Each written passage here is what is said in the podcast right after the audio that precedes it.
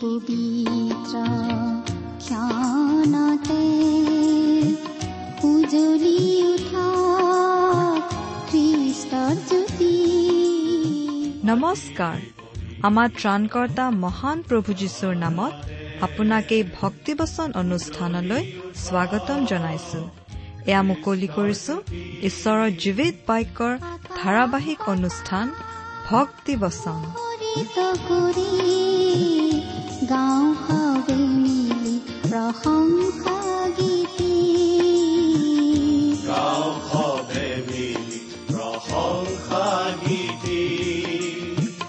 আজিৰে পবিত্ৰ ক্ষণতে উজলি উঠা খ্ৰীষ্টৰ জ্যোতি আপোনাৰ জীৱনত যদি শান্তি পাব বিচাৰে তেন্তে এয়া ঈশ্বৰৰ বাক্যৰ সান্তনা বাক্য ভক্তি বচন।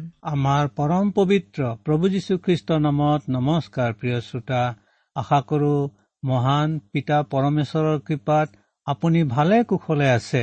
আপুনি যদি আমাৰ আগৰ অনুষ্ঠানটো শুনিছিল তেন্তে আপোনাৰ নিশ্চয় মনত আছে যে যোৱা অনুষ্ঠানত আমি বাইবেলৰ পুৰণি নিয়ম বা পুৰাতন বিধান খণ্ডৰ হুচীয়া ভাওবাদীৰ পুস্তকখনৰ প্ৰথম পাঠটি আলোচনা কৰিছিলো।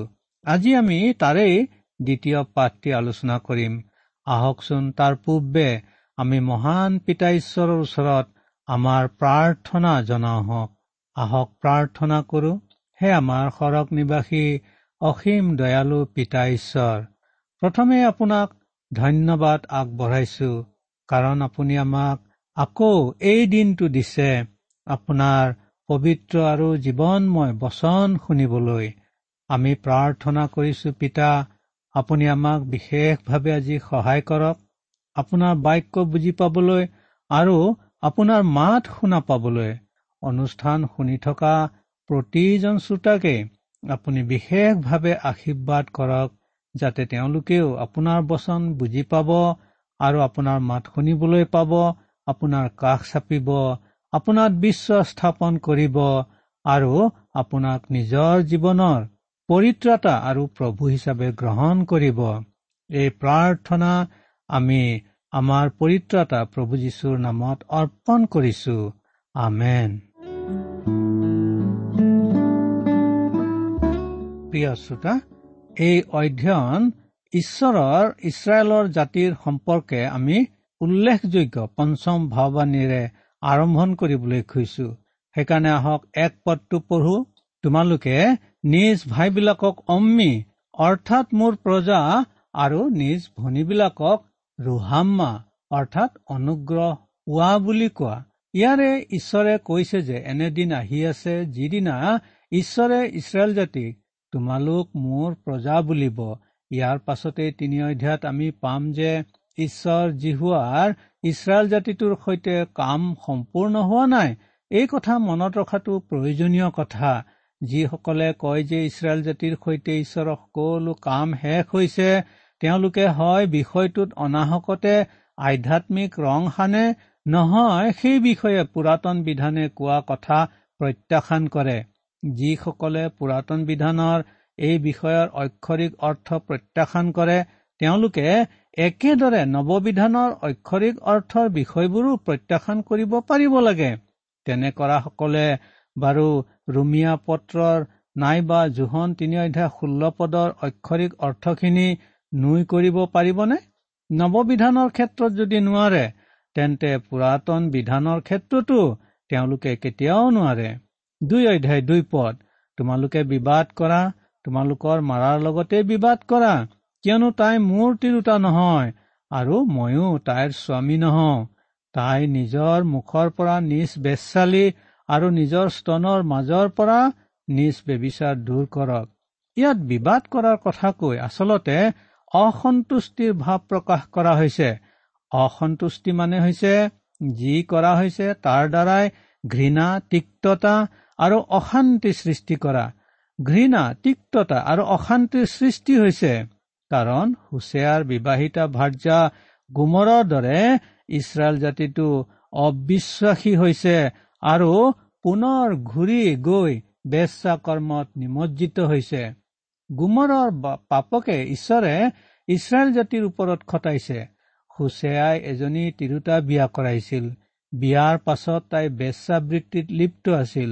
এনেকি হুছেয়াৰ ঔৰসত তিনিজনকে ল'ৰা ছোৱালী হোৱাৰ পাছতো হুছেয়াৰ ভাৰ্যা গুমৰ পুনৰ বেচাবৃত্তিত জড়িত হৈছিল। কিন্তু মন কৰিবলগীয়া কথাটো চাওক যে হুছেয়াই তাইক সদায়েই ভাল পাইছিল। পৃথিৱীত আটাইতকৈ ডাঙৰ পাপ কি হ'ব পাৰে জানেনে? বাইবেল শাস্ত্ৰৰ শিক্ষাৰ ভিত্তিত চাবলৈ গ'লে আমি দেখা পাওঁ যে অবিশ্বাসী হোৱা বা বিশ্বস্ততা ৰাখিব নোৱাৰাটোৱেই আটাইতকৈ গুৰুতৰ পাপ। আপোনাক যিজনে ভাল পায় আৰু ভাল পোৱা বাবে আপোনাৰ অনেক হিতজনক কামো কৰি দিছে। সেইগৰাকী ব্যক্তিৰ প্ৰতিয়ে যদি আপুনি বিশ্বাসঘাতকতা কৰে তেন্তে তাতকৈ অধিক গুৰুতৰ পাপ কিবা থাকিব পাৰেনে? এই কথাটোকে যদি আমি আমাৰ নিজৰ জীৱনত খটাওঁ তেতিয়া আমাৰো খ্ৰীষ্টীয় জীৱনৰ আটাইতকৈ গুৰুতৰ অপৰাধটো কি হ'ব বাৰু? প্ৰিয় শ্ৰোতা যিজন প্ৰভু যীশুৱে আমাক ইমানকে প্ৰেম কৰি এই জগতলৈ আহিলে আমাৰ পাপৰ কাৰণে নিজৰ জীৱন দান কৰি আমাক পাপৰ বন্ধনৰ পৰা মুক্ত কৰিলে সেইজনা প্ৰভুৰ প্ৰতি বিশ্বাসঘাতকতা কৰাতকৈ অধিক গুৰুতৰ পাপ আমাৰ কিবা থাকিব পাৰেনে? ইয়াত প্ৰভুৱে কৈছে যোৱা তোমাৰ মাৰাৰ লগতো বিবদ কৰা। তাইক মোৰ ওচৰলৈ ঘূৰি আহিবলৈ কোৱা। তাইক প্ৰতিমা পূজাৰ পৰা ঘূৰি আহিবলৈ কোৱা। তিনি পদ।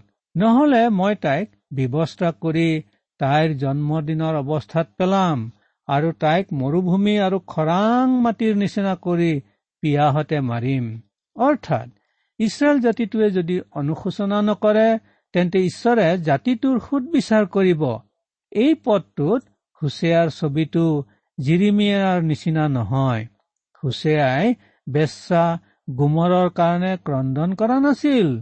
পদটোত যি ভাৱ প্ৰকাশ কৰা হৈছে তাৰ ভিত্তিত চাবলৈ গ'লে হুছেয়াই গুমৰক কৈছিল। তাই যদি তাইৰ বেচাবৃত্তিকে অব্যাহত ৰাখে তেন্তে তাইক শিল দলিয়াই বধ কৰিবলৈকেহে ইচ্ছা হব। তাৰ বিকল্প ব্যৱস্থা মোৰ লগত একো নাথাকিব। চাৰিপদ মই তাইৰ সন্তানবিলাকক দয়া নকৰিম কাৰণ তেওঁলোক বেচা ভাৱৰ সন্তান। আন কথাত গোটেই জাতিটো মূৰ্তি পূজাত ধৰি ঈশ্বৰৰ দৃষ্টিত বেচা এজনীৰ দৰে হৈ পৰিছিল। আন দেৱতাৰ পূজা কৰা এই জাতিটোৰ সন্তান সন্ততিবিলাকো ঈশ্বৰৰ দৃষ্টিত অবৈধ সন্তান সন্ততিৰ নিচিনা হৈ পৰিছিল। ঈশ্বৰে তেওঁলোকক দয়া কৰিব নোৱাৰে কাৰণ তেওঁলোক বেচা এজনীৰ সন্তানৰ নিচিনা আছিল। পাঁচপদ কিয়নো তেওঁলোকৰ মাকে বেচা কৰ্ম কৰিলে কাৰণ তাই কৈছিল মোক মোৰ অন্ন আৰু জল মোৰ নোম আৰু সূতা মোৰ তেল আৰু পেয় দ্ৰব্য দিয়া মোৰ প্ৰেমকাৰীবিলাকৰ পাছত মই যাম। অৰ্থাৎ বেচাজনীয়ে বেচাবৃত্তিত লিপ্ত হৈছিল টকা পইচাৰ বাবে। বেচাবৃত্তিত টকা পইচা আছিল। আমাৰ আজিৰ এই যুগতো বেচাবৃত্তিৰে টকা পইচা আৰ্জন কৰা অপৰাধটো প্ৰায় স্বাভাৱিক ব্যৱসায়ত পৰিণত হৈছে। এই অপৰাধৰ আন এটা কাৰণ হয়তো আছিল যে যেনে চৌখিন জীৱন ধাৰণ কৰিবলৈ হুছেয়াৰ ভাৰজাই ইচ্ছা কৰিছিল তেনে চৌখিন জীৱন ধাৰণৰ বাবে হুছেয়াই নিশ্চয় গুমৰক খৰচ পাতি যোগাব পৰা নাছিল। হুছেয়া নিশ্চয় গৰীব মানুহ আছিল। সেয়ে পইচা আৰ্জনৰ উদ্দেশ্যে গুমৰ বেচাবৃত্তিত লিপ্ত হৈছিল। ইছৰাইল জাতিটোৰ অপৰাধো একেই আছিল।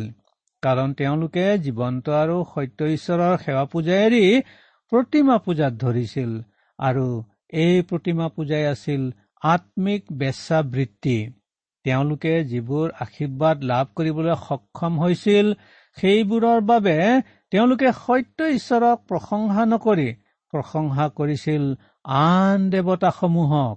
কাৰণ তেওঁলোকে কৈছিল মোৰ অন্ন জল নোম আৰু সন সূতা আৰু মোৰ তেল আৰু পেয় দ্ৰব্য দিয়া মোৰ প্ৰেমকাৰীবিলাকৰ পাছত মই যাম। নোম সন সূতা তেল আৰু পেয় দ্ৰব্য আদি আছিল বিলাসিতাৰ দ্ৰব্য। তাইৰ জীৱনৰ সকলো সময়তে ঈশ্বৰেই তাইৰ জীৱনৰ প্ৰয়োজনীয় বস্তু যোগাইছিল। কিন্তু মানুহ যে কি অকৃতজ্ঞ প্ৰাণী? তেওঁ ঈশ্বৰৰ পৰাই যে সকলো পাইছে তাক তেওঁ স্বীকাৰ কৰিবলৈ টান পায়। তেওঁ কয় বোলে তেওঁ তেওঁৰ বুদ্ধি জ্ঞান ব্যৱহাৰ কৰি কঠোৰ পৰিশ্ৰম কৰি সকলো আৰ্জিছে আৰু তাৰ কাৰণেহে উপভোগ কৰিব পাৰিছে। ইয়াত ঈশ্বৰৰ কোনো অৰিহণা নাই কিন্তু এই অকৃতজ্ঞ মনুষ্য প্ৰাণীগৰাকীয়ে খবৰ ৰাখিছেনে যে তেওঁৰ বুদ্ধি জ্ঞান কঠোৰ পৰিশ্ৰম কৰিবলৈ তেওঁৰ বল শক্তি আৰু স্বাস্থ্য কোনে দিছে? এই যে এইবোৰ বায়ু পানী চিন্তা শক্তি মুখৰ মাত চকুৰ দৃষ্টি আৰু শাৰীৰিক গতি আদি কোনে দিছে বাৰু? আমি যিখন ধৰাৰ বুকুত চলা ফিৰা কৰিছো হওক সেই ধৰাখনৰ গৰাকীয়ে বা কোন? তথাপি গৰ্বী মানুহ ঈশ্বৰৰ প্ৰতি অকৃতজ্ঞ। ঈশ্বৰৰ প্ৰতি অকৃতজ্ঞ হোৱা অপৰাধটো এক মহা অপৰাধ। মানুহ জাতিটো যে ঈশ্বৰৰ প্ৰতি অকৃতজ্ঞ সেয়াও মানুহৰ কথা নহয়। সেয়া ঈশ্বৰৰ বচন সুচে পুস্তকৰ কথা। আপোনাৰ জীৱনৰ সকলো আশীৰ্বাদৰ বাবে বাৰু আপুনি আপোনাৰ ঈশ্বৰৰ প্ৰতি কৃতজ্ঞনে প্ৰিয় শ্ৰোতা নে তেওঁৰ প্ৰতি অকৃতজ্ঞ হৈ আপুনি হুচিয়াৰ ভাৰ্যা গুমৰক প্ৰতিনিধিত্ব কৰিছে? ছয়পদ এই হেতুকে চোৱা মই কাঁইতেৰে তোমাৰ বাট বন্ধ কৰিম আৰু তাই নিজৰ পথ পাব নোৱাৰাকৈ মই তাৰ অহিতে এখন জেওৰা দিম। প্ৰিয় শ্ৰোতা আমি যে ঈশ্বৰক দিবলগীয়া আমাৰ কৃতজ্ঞতা প্ৰশংসা মান সমাদৰ সেৱা পূজা আদি তেওঁক নিদিওঁ তাৰ দ্বাৰা আমি তেওঁক স্বীকৃতি নিদিওঁ। সেইটোৱে আমাৰ সমস্যা আৰু সেয়ে ঈশ্বৰে আমাক প্ৰমাণ কৰি দেখুৱাই যে আমাৰ ঈশ্বৰহীনতাই আমাৰ মানৱ সমাজত কেৱল যুদ্ধ বিগ্ৰহ হিংসা ঘৃণা আৰু আক্ৰমণ আৰু প্ৰতি আক্ৰমণেৰে জন্ম দিয়ে। জীৱন্ত আৰু সত্য ঈশ্বৰৰ সৈতে সম্বন্ধ ৰাখি চলা তেওঁৰ সন্তানসকলৰ অভিজ্ঞতাত এইটো ইমান স্পষ্ট যে ঈশ্বৰৰ বাহিৰত মানুহৰ একো আশা নাই। সত্য ঈশ্বৰৰ বাহিৰত মানুহে কেৱল নিজৰ কবৰ নিজেই খান্দে। ঈশ্বৰক স্বীকৃতি নিদিয়াটো আজি মানুহৰ এটা ডাঙৰ অপৰাধ। সাত পদ তাই নিজৰ প্ৰেমকাৰীবিলাকৰ পাছে পাছে যাব। কিন্তু সিহঁতৰ লগ ধৰিব নোৱাৰিব তাই সিহঁতক বিচাৰিব কিন্তু নাপাব। এটা দিন আহি আছে আৰু সেইদিন আহি এদিন উপস্থিত হ'ব যেতিয়া নিষ্ঠুৰ বয়সৰ আঁচোৰত একালৰ যৌৱনা উচ্ছলা বেচা ভনী যৌৱন সৌন্দৰ্য শক্তি ভক্তি ইচ্ছা কামনা বাসনা আৰু আকৰ্ষণহীনা হৈ পৰিব। প্ৰেমিকসকলেও তাইক অকলশৰকৈ এৰিব। তাই তেতিয়া অকলশৰীয়া নিসহায় আৰু নিৰাশ্ৰয়া হ'ব। ইছৰাইল জাতিটোৰ ক্ষেত্ৰতো সেইটোৱে হ'ব আৰু তেতিয়াহে তেওঁলোকে কব আহা আমি ঈশ্বৰৰ গুৰিলৈ ঘূৰি যাওঁ হওক। আঠ আৰু ন পদ। কিয়নো ময়েই যে তাইক সেই শস্য দ্ৰাক্ষাৰ আৰু তেল দিছিলো আৰু তাইৰ যি ৰূপ আৰু সোণ বালৰ নিমিত্তে খৰচ কৰা হৈছিল তাক ময়েই যে বৃদ্ধি কৰিছিলো তাক তাই নুবুজিলে। ঈশ্বৰে মানুহৰ বাবে যি আশীৰ্বাদৰ বৰিখন দিনে দিনে প্ৰতিদিনে বৰষাই আছে সেইখিনি যে তেওঁৰ পৰা আহিছে তাক নাজানি যি ব্যক্তি যি সমাজ বা জাতিয়ে কৃতজ্ঞ হ'ব বা স্বীকৃতি দিবলৈ নাজানিব আৰু সেই আশীৰ্বাদবোৰৰ অপব্যৱহাৰ কৰিব তেওঁলোকৰ বিচাৰ ঈশ্বৰে কৰিব। মাছৰ তেলেৰেই মাছ ভজাৰ দৰে মানুহে ঈশ্বৰৰ বাহিৰত থাকি কৰা নিজৰ ভুলৰ ফলশ্ৰুতিৰে ঈশ্বৰে মানুহক শিকনি দিব। সকলো উত্তম বস্তু ঈশ্বৰৰ দান বুলি অবুজ মানি জাতিটোৱে কেতিয়া বুজি উঠিব বাৰু? ঈশ্বৰৰ এই উত্তম দানবোৰৰ বাবে ঈশ্বৰৰ প্ৰতি কৃতজ্ঞ হবলৈ তেওঁক স্বীকৃতি দিবলৈ আৰু সেইবোৰ ন্যায়ভাৱে ভোগ কৰিবলৈ মানুহে কেতিয়া জানিব বাৰু? প্ৰিয় শ্ৰোতা ঈশ্বৰৰ সন্তান ৰূপে আমি ঈশ্বৰৰ সন্তান আৰু আমাৰ পৰিচয় আমি ঈশ্বৰৰ সন্তান ৰূপেই প্ৰকট কৰো হওক অকৃতজ্ঞ আৰু খাই পাত ফলাবিধৰ লোক হৈ হুচেয়াৰ ভাৰ্যা গুমৰৰ প্ৰতিনিধিত্ব কৰি ঈশ্বৰৰ সুদবিচাৰৰ সন্মুখীন হওঁ কিয় প্ৰিয় শ্ৰোতা? দহ পদৰ পৰা তেৰ পদলৈকে পাঠ কৰিছো। আৰু এতিয়া মই তাইৰ প্ৰেমকাৰীবিলাকৰ আগত তাইৰ লাজ প্ৰকাশ কৰিম। কোনেও মোৰ হাতৰ পৰা তাইক উদ্ধাৰ কৰিব নোৱাৰিব। মই তাইৰ আটাই আমোদ ভোজ ন জোন বিশ্ৰাম দিন আৰু তাইৰ আটাই নিৰূপিত উৎসৱ নাইকিয়া কৰিম। আৰু তাই যি দ্ৰাক্ষালতা আৰু ডিমৰু গছৰ বিষয়ে কয় বোলে এইবোৰ মোৰ প্ৰেমকাৰীবিলাকে মোক দিয়া বেচ। মই সেই দ্ৰাক্ষালতা আৰু ডিমৰু গছ নষ্ট কৰিম আৰু মই সেইবোৰক অৰণ্য কৰিম। তাতে বনৰীয়া পশুবোৰ তাত চৰিব আৰু যি যি দিনত তাই বাল দেৱতাবোৰৰ উদ্দেশ্যে ধূপ জ্বলাইছিল আৰু নথ আদি অলংকাৰেৰে নিজকে ভূষিত কৰি নিজৰ প্ৰেমকাৰীবোৰৰ পাছত গৈছিল। কিন্তু মোক হলে পাহৰিলে বাল দেৱতাবোৰৰ সেই সেই দিনৰ প্ৰতিশোধ মই তাইৰ পৰা ল'ম ইয়াক জিহুৱাই কৈছে। এই আটাইকেইটা পদৰ পৰা আমি এই কথা জানিব পাৰো যে মানুহৰ আটাইতকৈ ডাঙৰ অপৰাধটো হৈছে তেওঁ তেওঁৰ সৃষ্টিকৰ্তা পালনকৰ্তা আৰু পৰিত্ৰাতা প্ৰভু ঈশ্বৰক পাহৰা তেওঁক স্বীকৃতি নিদিয়া আৰু তেওঁৰ প্ৰতি অকৃতজ্ঞ হৈ ৰোৱা। চৌধ্য আৰু পোন্ধৰ পদ। এই হেতুকে চোৱা মই তাইৰ প্ৰবৃত্তি জন্মাই তাইক অৰণ্যলৈ আনি সান্তনাদায়ক কথা কম আৰু সেই তাইৰ পৰা তাই অহা মাত্ৰকে তাই দ্ৰাক্ষাবাৰী আৰু আশাৰ দুৱাৰ ৰূপে আখুৰ উপত্যকা মই তাইক দিম আৰু তাইৰ যৌৱন কালৰ নিচিনাকৈ আৰু তাই মিছৰ দেশৰ পৰা ওলাই অহা দিনাৰ নিচিনাকৈ তাই তাত অনুগ্ৰহ স্বীকাৰ কৰিব।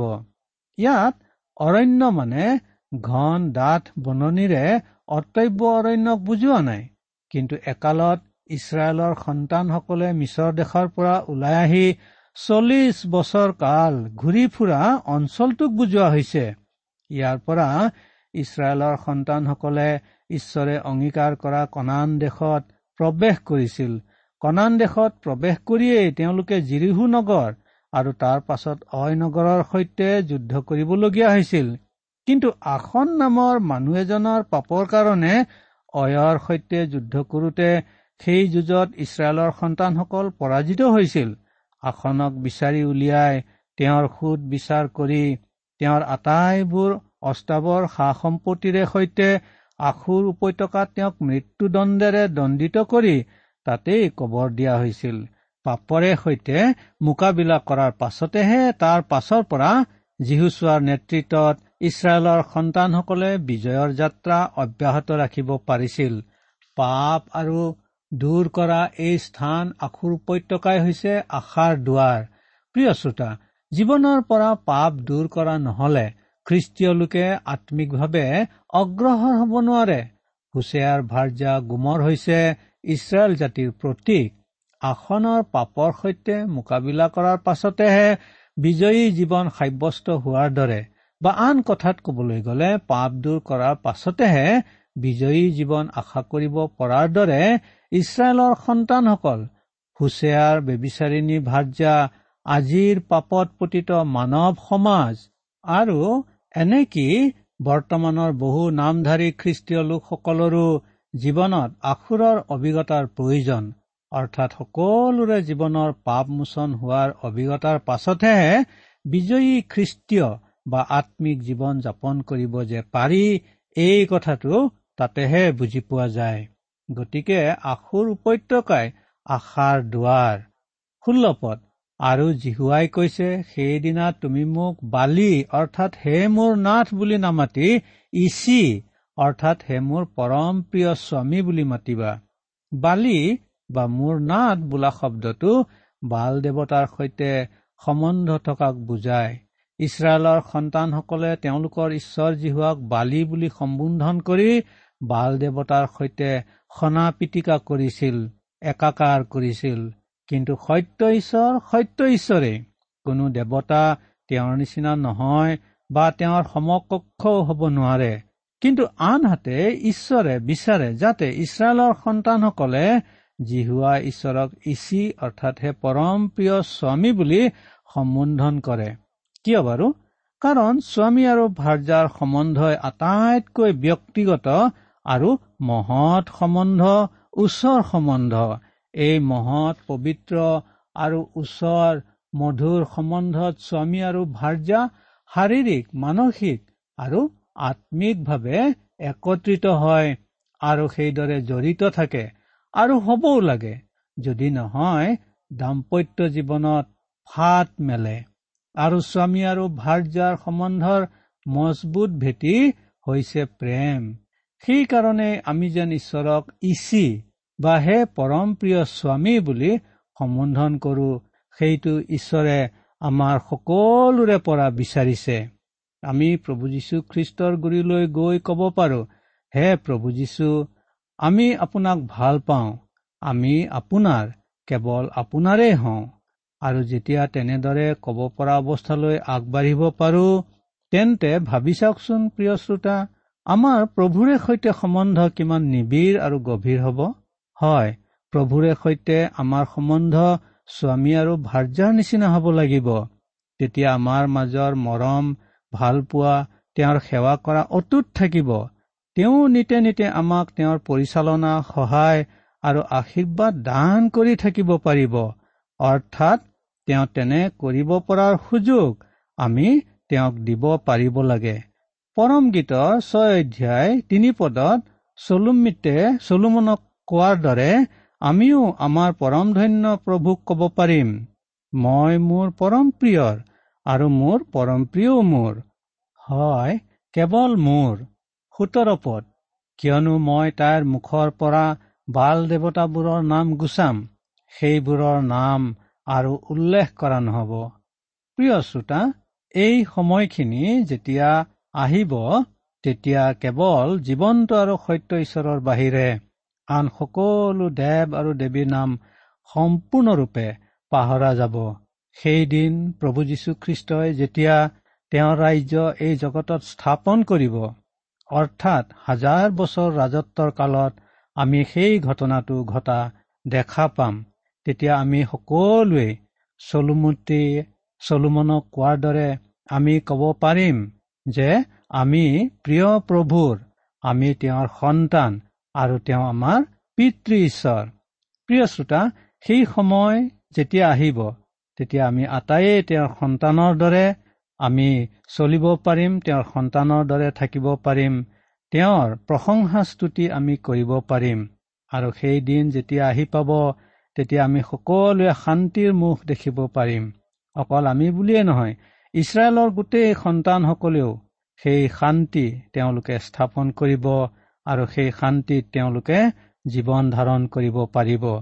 সেই দিনৰ বাবে ধৈৰ্য সহকাৰে আমি বাট চাই আছো হওক ঈশ্বৰে আপোনাকো সেই দিনলৈকে কুশলে মংগলে ৰাখক আৰু সেই দিনৰ বাবে আপুনিও সিদ্ধান্ত লওক আৰু সেই দিন যে আহিব আমাৰ জীৱনত সেইকাৰণে আমি ঈশ্বৰক ধন্যবাদ সহকাৰে আমি এই দিনলৈ বাট চাই থাকো হওক সেইদিনা আৰু আমাৰ কোনো দুখ নাথাকিব আমাৰ কোনো যন্ত্ৰণা নাথাকিব মৃত্যু নহ'ব আমি জ্বৰ ৰোগ ব্যাধিত নপৰিম আৰু আমাৰ মাজত হিংসা ঘৃণা এই সকলোৰে লোভসমূহ আৰু পুৰণি দিনবোৰ আমাৰ জীৱনৰ পৰা লুপ্ত হ'ব। আমি ঈশ্বৰে সৈতে সেই দিন জীৱন নিৰ্বাহ কৰিবলৈ পাম। সেই দিনলৈকে আপুনি ঈশ্বৰৰ সেই দিনলৈকে বাট চাবলৈ ঈশ্বৰে আপোনাক ধৈৰ্য দিয়ক আমি এনে আশা ৰাখিছো। আৰু ঈশ্বৰে আমাক আটাইকে সেইদৰে আশীৰ্বাদ চলাওক তাৰ বাবে আমি তেওঁৰ নামত প্ৰাৰ্থনাত থাকো হওক। ঈশ্বৰে আপোনাক আশীৰ্বাদ কৰি চলাওক। নমস্কাৰ।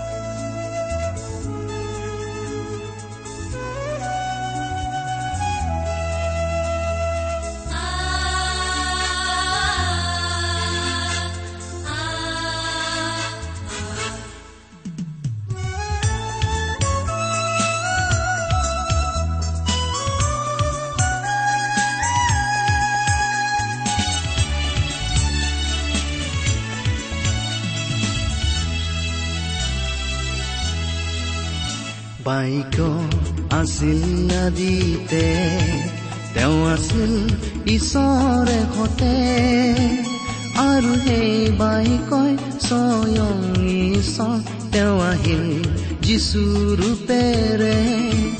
মানুহ উধাৰিবলে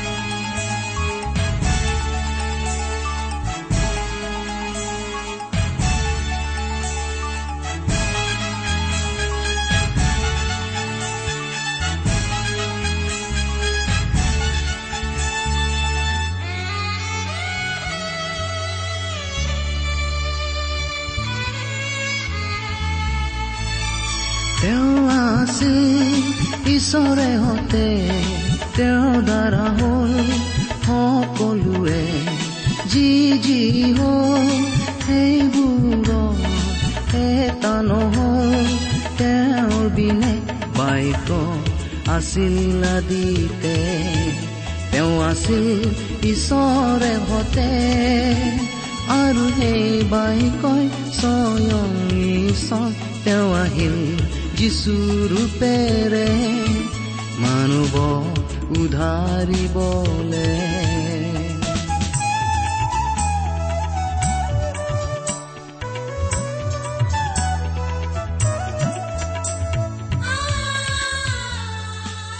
ইমান পৰে আপুনি ভক্তিবচন অনুষ্ঠানটি শুনিলে।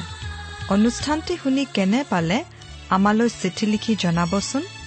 অনুষ্ঠানত প্ৰচাৰ কৰা কোনো কথা বুজিব লগা থাকিলেও আমালৈ লিখক। আমাৰ ঠিকনা ভক্তিবচন টি ডাব্লিউ আৰ ইণ্ডিয়া ডাক পাকচ নম্বৰ সাত শূন্য গুৱাহাটী সাত আঠ এক শূন্য শূন্য এক।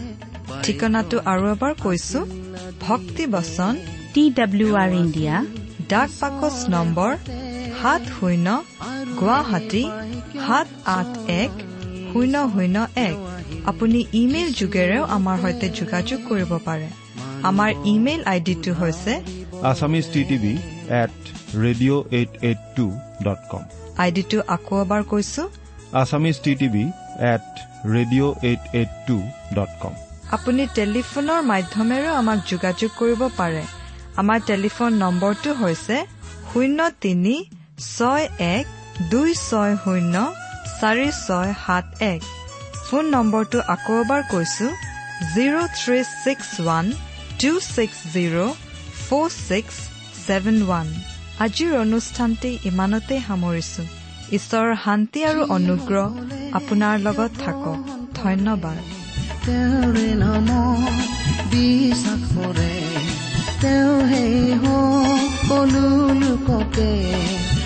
ঈশ্বৰৰ সন্তান কৰে বাইক আছিল আদিতে তেওঁ আছিল ঈশ্বৰে হতে আৰু সেই বাইকই স্বয়ং ঈশ্বৰ তেওঁ আহিল যিচু ৰূপেৰে মানৱ উধাৰিবলে